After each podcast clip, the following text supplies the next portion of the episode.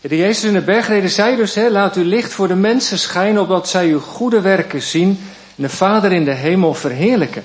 En nu schrijft Paulus in Efeze 2 vers 10, en dat is de tekst waar ik met u en jou vanmorgen over na wil denken. Hè, dat lange betoog wat hij heeft, die, die hele, ja ook wel ingewikkelde, compacte taal, komt dan, loopt dan uit in vers 10, waar de apostel zegt, want wij zijn zijn maaksel. Geschapen in Christus Jezus om goede werken te doen. Ja, dan komen die goede werken ook weer terug, die, waar hij over de Jezus sprak. Om de goede werken te doen die God van tevoren bereid heeft. Opdat wij daarin zouden wandelen. En gemeente, ik had als thema voor de preek eh, bedacht Gods missie voor ons leven. Gods missie voor ons leven. Eh, broeders en zusters, gemeente van Christus, hier in de kerk en ook thuis met ons verbonden. Veel mensen vandaag de dag hebben moeite om, de zin van hun leven te, onder woorden te kunnen brengen. Ze leven, ze werken, ze gaan relaties aan, maar vroeg of laat, wanneer er een crisis komt, wanneer er dingen onder druk komen te staan, dan komen als vanzelf de vragen. Waarom overkomt mij dit? Waar, waarom ben ik hier? Wat is nou het doel van mijn leven? Waarom eh, ben ik met deze dingen bezig? Zit ik op de goede weg? En wat zal er straks zijn als ik sterf? Is er trouwens iets meer van, van het leven na de dood? Vragen die vaak in, in moeilijke situaties van crisis opkomen. En wat is nou het doel van mijn leven is een van die vragen. En daar wil ik met u en jou vanmorgen bij stilstaan.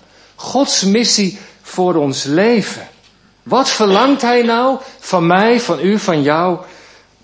En daar, daar gaat het over. Maar voordat we bij, bij Paulus wat verder gaan stilstaan, wil ik eerst een verhaaltje delen wat mij in de tijd raakt. Het gaat over opa Martin en zijn kleindochter Eveline. Opa Martin had een, had een hobby. Hij vond het heerlijk om met hout te werken en vogelhuisjes te maken. Dan ging hij het bos in waar hij vlakbij woonde, zocht hij berkenstammetjes, die maakte hij op maat en daarachter in de schuur was hij bezig om zijn vogelhuisje te maken. Hij had er handigheid in, had er lol in. En van tijd tot kwijt kwam kleindochter Eveline bij opa en oma op bezoek. En ze was nog maar zes jaar, maar ze vond het heerlijk om bij opa in de schuur te zijn, te kijken en hem een beetje te helpen. En ja, ze kon al aardige spijker in, in het hout slaan. En dat probeerde ze dan ook. En ondertussen dat ze hem aan het helpen was en stukjes hout aangeven, vertelde ze honderd uit. Over school, over de dingen die ze had meegemaakt met haar vriendinnetje, over de hond van haar buren. Ja, ook een keer dat er was ingebroken bij een van haar vriendinnetjes en dat het hele huis een puinhoop was. En opa Martin luisterde dan naar het gekwebbel van zijn kleindochter. En die genoot ervan en geef dit eens even aan. Geef eens even een spijker. Wil jij zelf ook even slaan? En zo waren ze in de schuur bezig. En al gaandeweg werd hij deelgenoot van wat er leefde in haar hart. En hij genoot er zo van. En dan was ze het weer zat en dan ging ze weer naar oma toe. En als dan opa klaar was met, met als, als Martin klaar was met het vogelhuisje en hij liet dat zien, dan zei ze dat, oma kijk eens, dat heb ik met opa gemaakt. En opa glimlachend genoot ervan. Je ziet het je helemaal voor je, je kunt je er wat bij voorstellen. En als ze dan weer even weg was, dan die spijkers die een beetje krom zaten, die moest hij er weer uithalen om het allemaal een beetje recht te doen. Maar dat maakte niet uit, want hij was samen met zijn kleindochter bezig geweest. En ik dacht, zouden we zo vanmorgen niet kunnen kijken naar wat God van ons leven verlangt? Dat de Heere God het hem vreugde geeft als wij beschikbaar zijn voor Hem en als Hij met ons, om zo te zeggen, in deze wereld kan samenwerken. Niet vanwege de prestatie, maar vanwege de relatie. Dat wij doen waarvoor de Heere God ons heeft geschapen. Dat Hij daar vreugde in vindt. Als we wandelen met Hem in de dingen die Hij belangrijk vindt. Waar Hij mee bezig is. En daarover gaat het in dat gedeelte wat we hebben gelezen. Paulus' betoog is vol verwondering over wat de Heer Jezus voor ons heeft gedaan. En het loopt ook uit in dat tiende vers van dit gedeelte, waarin hij zegt van kijk, want, want dit is het verlangen van de Heere God, onze schepper. Want wij zijn zijn maaksel. Geschapen in Christus Jezus om goede werken te doen die hij van tevoren heeft bereid. Opdat wij daarin zouden wandelen. En als je dat vers wat, wat, wat, wat overdenkt, dan zie je dat er eigenlijk drie kerngedachten zijn. En die werk ik wat uit. Wij zijn zijn maaksel. Dat is het eerste. Wij zijn in Christus Jezus geschapen om goede werken te doen. Dat is twee. En het derde over het doel. Opdat wij daarin, die goede werken, daarin zouden wandelen. De tekst die vanmorgen centraal staat begint dus. De verwonding, want wij zijn zijn maaksel. En maaksel, dat klinkt voor ons misschien niet zo, zo, zo heel pakkend of uh, heel uh, mooi, maar, maar in het Grieks is dat wel het geval. Wij zijn zijn poema, kunstwerk. In het Spaans is poema, betekent dat gedicht. Wij zijn zijn kunstige creatie, zegt de apostel Paulus. Hij heeft ons op een hele bijzondere, unieke manier gemaakt. Wij zijn niet het toevallige product van de liefde van onze ouders. We zijn ook niet zomaar op deze aarde geworpen. Nee, wij zijn heel kunstig gemaakt. Wij zijn zijn kunstwerk, zegt de apostel. De schepper heeft ons gemaakt met gaven en talenten. Niemand is gelijk aan mij, aan u, aan jou. Een kunstwerk. En je weet, als een kunstenaar met een kunstwerk bezig is, dan zit daar heel veel toewijding en liefde. Stel je het even voor, in het atelier. Mijn vrouw was in september jarig geweest en de kinderen hadden een cadeau bedacht om aan haar te geven dat we met ons gezin, ik heb drie kinderen en een schoonzoon, dat we met ons zessen een schilderworkshop zouden doen. De hele dag in het atelier kregen we een doek en met hulp van de, van de kunstenares hebben we allemaal een schilderij gemaakt. Maar je was de hele dag bezig en een kunstenaar die maakt een schilderij, die heeft natuurlijk iets in zijn hoofd en wil dat op het doek krijgen. Hij kiest de kleuren uit de compositie en zo is hij bezig met toewijding, want, want, want wat hij in zijn hoofd heeft, dat wil hij graag op het doek hebben. Maar er komt natuurlijk ook een moment dat zijn werk klaar is. Als de schilderij klaar is en er zit er als het ware een punt onder of zijn naam, ja, dan moet hij het uit handen geven. Dan komt het misschien wel in een atelier, dan gaan mensen er naar kijken en gaan ze er ook wat van vinden. En Paulus zegt, eh, lieve mensen, zegt hij tegen de broeders en zussen in wij zijn Gods kunstwerk. Hij heeft ons op een hele bijzondere manier gemaakt. Hij, tot in de kleinste details van ons leven, daar heeft hij aan gedacht. En je proeft zijn verwondering. En die wil ons als het ware vanmorgen hier in Scheveningen ook meenemen dat wij zo naar ons leven kijken. En soms heb je dat wel eens, hè, dat als er een baby geboren is en dan, dan, dan, dan geef je een rompertje of een slapje cadeau. En soms heb je ze ook nog wel met een bijbeltekst of met een christelijke boodschap. En dan staat eronder, I am God's original creation. Ik ben Gods unieke schepping. Nou, dat is wat Paulus eigenlijk tegen de gemeente van Efeze zegt. Jij, hoe je bent in je leven, je bent door de Heere God op een hele bijzondere manier gemaakt. En je bent door je schepper op een hele bijzondere manier geliefd. En ik weet niet hoe dat bij u of bij jou is. Maar ziet u of zie jij jezelf ook met deze, op deze wijze? Als een uniek mensenkind die door de Heere God is geliefd. Of heb je daar misschien moeite mee? Heb je dat van huis uit niet geleerd, omdat je dat niet in je opvoeding van je ouders hebt meegekregen misschien? Misschien heb je helemaal wel niet zo'n positief zelfbeeld. Anderen kregen de voorrang en jij stond meer achteraan. Of je ouders waren altijd heel druk met de zaak of met het werk en er was niet altijd zoveel aandacht. Als je uit school kwam met een mooie tekening, was er niemand die daar even wat van zei.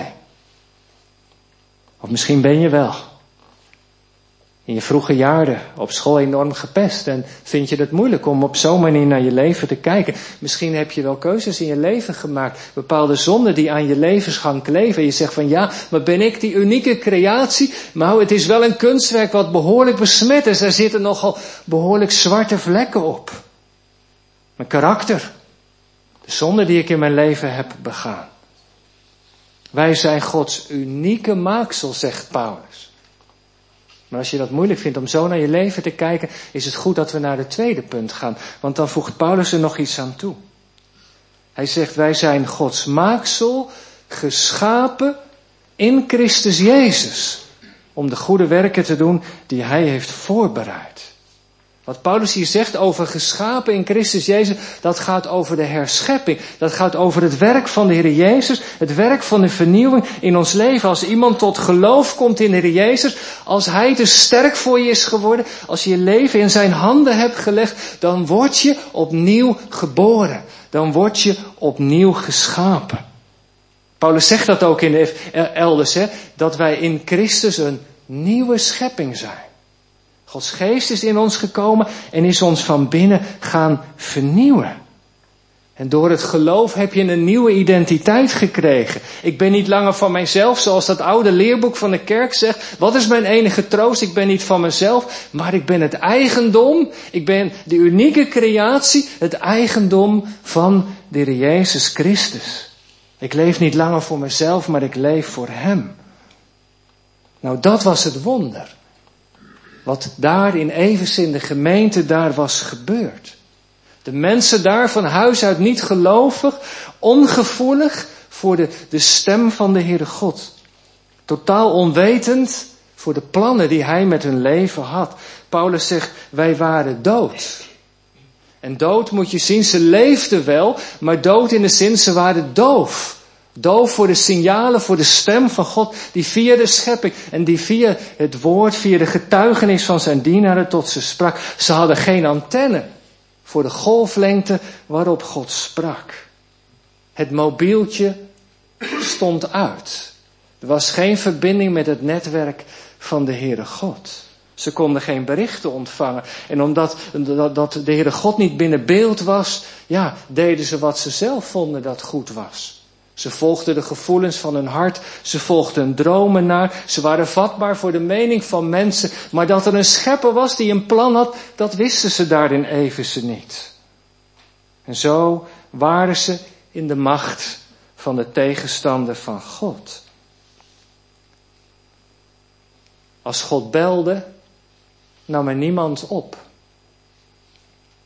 Toen wij met ons gezin in Chili woonden voor de GZB, Zat ik een keer in de krant te lezen, dan las ik het verhaal. In het zuiden van Chili is Punta Arenas, heb je een grote militaire basis en daaronder heb je een kaap waar de schepen langs gaat en daar is het altijd stormachtig, is het een gevaarlijk gebied. En het ging over een kapitein van de reddingsboot. Op die plek waar de golven hoog waren en als schepen in gevaar waren, dan was er de marifoon en dan moest hij uittrekken om te hulp komen. Maar er waren natuurlijk nachten dat hij niks te doen had. En op die bewuste nacht toen een schip in nood was en een semafoon klonk, was hij in slaap gevallen. En dat was toen niet goed afgelopen en had het de krant gehaald. Dat was er dus de situatie in die stad Evenze. De mensen waren doof en dood voor de signalen van de Heere God. Maar weet u, daar is verandering in gekomen. God zond boodschappers van het goede nieuws naar deze stad. Evenze, daar zond hij zijn apostelen naartoe. En wat kwamen ze vertellen? Dat er een God is die hen geschapen heeft en wiens hart naar ze uitging. Dat hij een bestemming voor hun leven had. En de mensen daar in Evenze, die veerden op. Oké. Ik leef dus niet zomaar alleen op leef. In het leven, er is iemand die van me houdt. Er is blijkbaar meer in het leven dan wij voor mogelijk houden. Ja, zeiden de apostel, luister maar. En toen vertelden ze hen over de Heer Jezus. Die was gekomen. Die zijn leven voor hen had gegeven aan het kruis. Die hen lief had. En ze nodigden hen uit om hun vertrouwen op deze Heer Jezus te stellen. En ze, ze zei, er is er één die alles van je weet. En die je toch lief heeft. En die boodschap vond weerklank in hun hart. Er kwam iets van licht in hun donkere leven. En de boze machten en de afgoden die hen omringden, konden hen niet langer meer bekoren. En ze begonnen te luisteren naar de stem van de apostelen. En daarin hoorden ze de stem van de Heere God. Zou het echt zo zijn dat ik met mijn leven, dat Hij mij lief heeft, dat Hij mij kent zoals ik ben? Dieper dan ik mijzelf ooit kent en dat Hij me ondanks lief heeft? Ja, zeiden ze, zo mag je het zien. Jij bent die unieke creatie, door God geschapen. En de Jezus is gekomen om je daarvan te verlossen. Van dat verkeerde wat je hebt gedaan in je leven. En ze hoorden over de Heer Jezus. En zagen in hem Gods vaderhart kloppen. En toen ze luisterden kwam de Heilige Geest, net als bij Lydia. En die opende hun hart. Ik mag mezelf zien dus als Gods poema. Gods maaksel. En ik mag geloven dat de Heer Jezus gekomen is om mij nieuw leven te geven, om mij tot mijn bestemming te brengen. Die mij uitnodigt om betrokken te zijn bij wat Hij in deze wereld aan het doen was. En die boodschap raakte hun hart en ze gaven zich gewonnen. En ze werden als wijnranken geplant in Hem die de wijnstok is. Ze kregen Hem lief en hun ogen raakten open voor de plannen die de Heere God met hun leven had. En ze hadden geleerd, ze leerden al gaandeweg dat ze geen punt moesten zetten, maar een komma. Zo vaak zetten wij mensen een punt, ja dat is het nu eenmaal, dit is mijn leven. Ja, zo ben ik nu eenmaal, punt. Maar door de geest leerden ze daar een komma te zetten. Dat de Heere God altijd in staat is om je mee te nemen. Je mag komen zoals je bent, maar hij laat je niet zoals je bent. Hij neemt je mee op de weg achter de Heer Jezus aan. En zo was het in Eversen gegaan. En zo gaat het nog steeds. En zo is het misschien ook wel in uw leven gegaan. En de Heere God is niet veranderd. Die barmhartigheid waar, hij, waar Paulus zo, zo lyrisch, zo uitvoerig over spreekt, die is niet veranderd. God die rijk is in barmhartigheid, zegt hij in vers 4. Die zo oneindig goed is met ons mensen. Hij is er en die nodigt ons elke keer weer uit. En als het woord open gaat, dan begint zijn stem te klinken. Ik ben je schepper. Ik heb je lief. Jij bent, u bent mijn unieke creatie. Ik weet van de gebrokenheid in je leven. Ik weet van die vlekken op dat schilderij. Ik weet van je zonde. Ja, ik weet hoe vaak je doof bent geweest voor mijn stem. Maar je mag weer opnieuw beginnen. Vandaag. Luister naar mijn stem. Kijk naar wat de Heer Jezus voor jou heeft gedaan in deze lijdenstijd gedenken. Als hij hangt aan het kruis en verzoening doet, heeft hij dat voor mij gedaan. Voor al die momenten dat ik doof was voor de stem van mijn hemelse vader. En die nodigt mij uit, geloof het. Ontvang mijn vergeving. Laat je door mijn geest meenemen vanmorgen. En als je nog niet op die uitnodiging ingegaan bent in je leven, dan is vandaag het moment om dat te doen. Dan mag je je handen vouwen. En dan mag je tegen de Heer Jezus zeggen, hier ben ik. Ja, ik ben door u bijzonder geschapen, maar er zijn zoveel keuzes in mijn leven geweest dat ik toch de verkeerde kant op ging. Maar dit is mijn leven. Neem mijn leven. Laat het, Heer, toegewijd zijn tot uw eer. En God is een God die dat gebed altijd verhoort. En weet je, als je de Heer Jezus hebt leren kennen, dan ben je niet alleen zijn schepping, maar dan ben je ook zijn herschepping dan ben je twee keer van Hem. Ken je dat verhaal? Over die jongen. Die had voor zijn verjaardag een zeilbootje gekregen. En wat was hij daar ontzettend blij mee. En hij ging, hij ging naar buiten en ze, ze hadden daar in, in de buurt een soort, soort plas waarom je heen kon lopen. En dan liet hij het bootje varen en de wind kwam erin en het, en het ging verder op het water. En hij had een touwtje en het rolde er dan uit. Je ziet het voor je. En het bootje ging met de wind mee. Maar op een gegeven moment gebeurde het. Dat het touwtje uit zijn handen schoot. En het bootje ging verder. En ging er met de wind vandoor. En die kon er niet meer bij.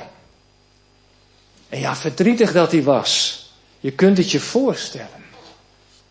Huilend kwam hij thuis en, en vertelde het verhaal. Maar maanden later waren ze een keer in de stad.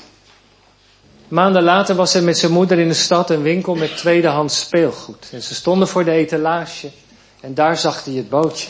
Het was nog gehavend. Hij zegt, mama, dat is mijn bootje.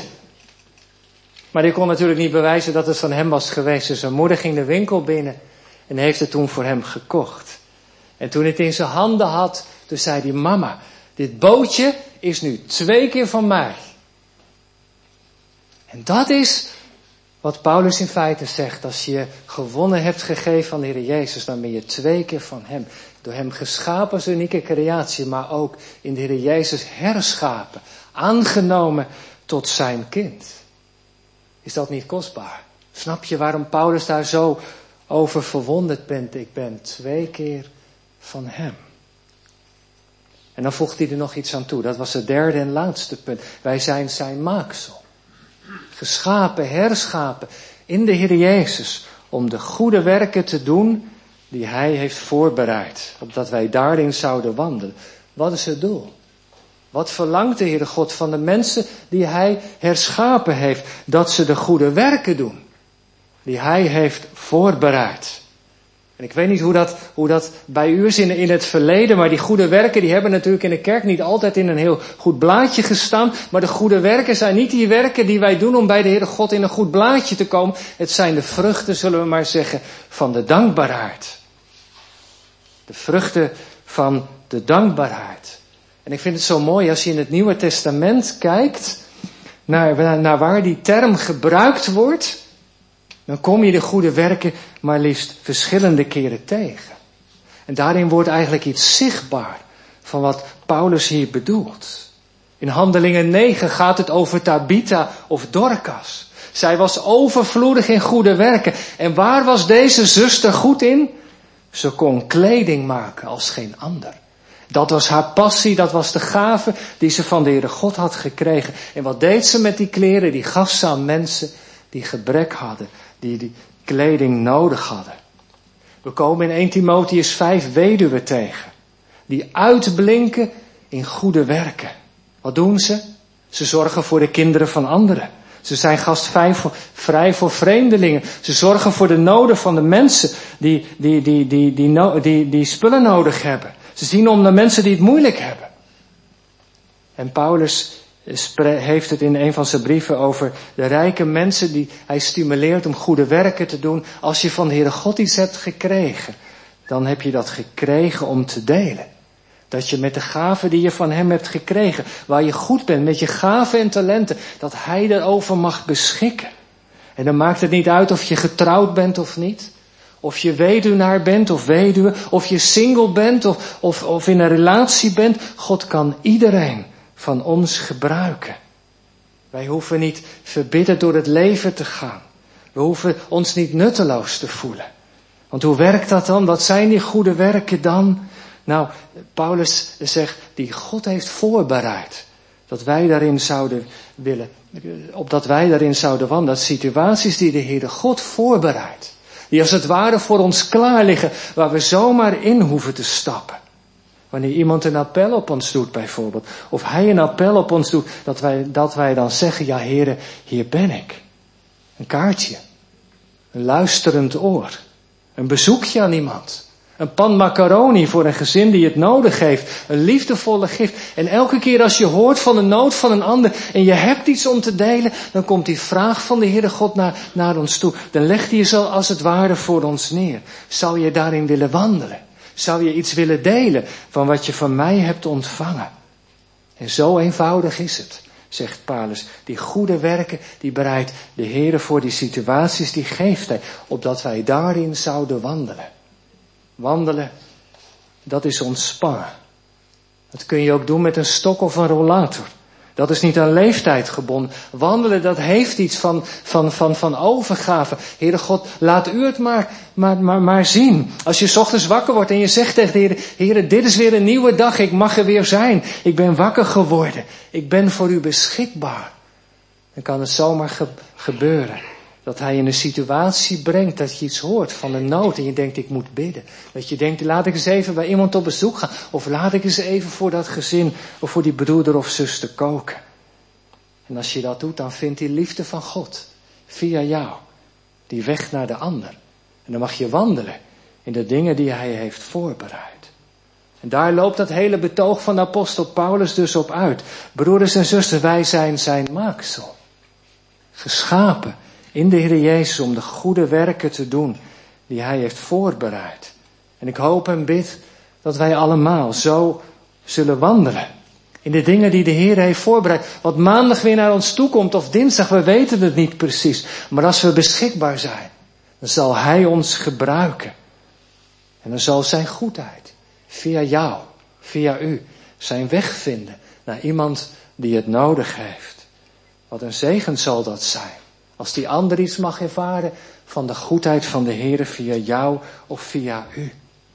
En misschien zal de Heere God, net als de opa van Eveline, soms even wat spijkers moeten wegtrekken. Dat wat krom is, wat recht moeten maken. Want in ons leven blijft zo vaak stukwerk.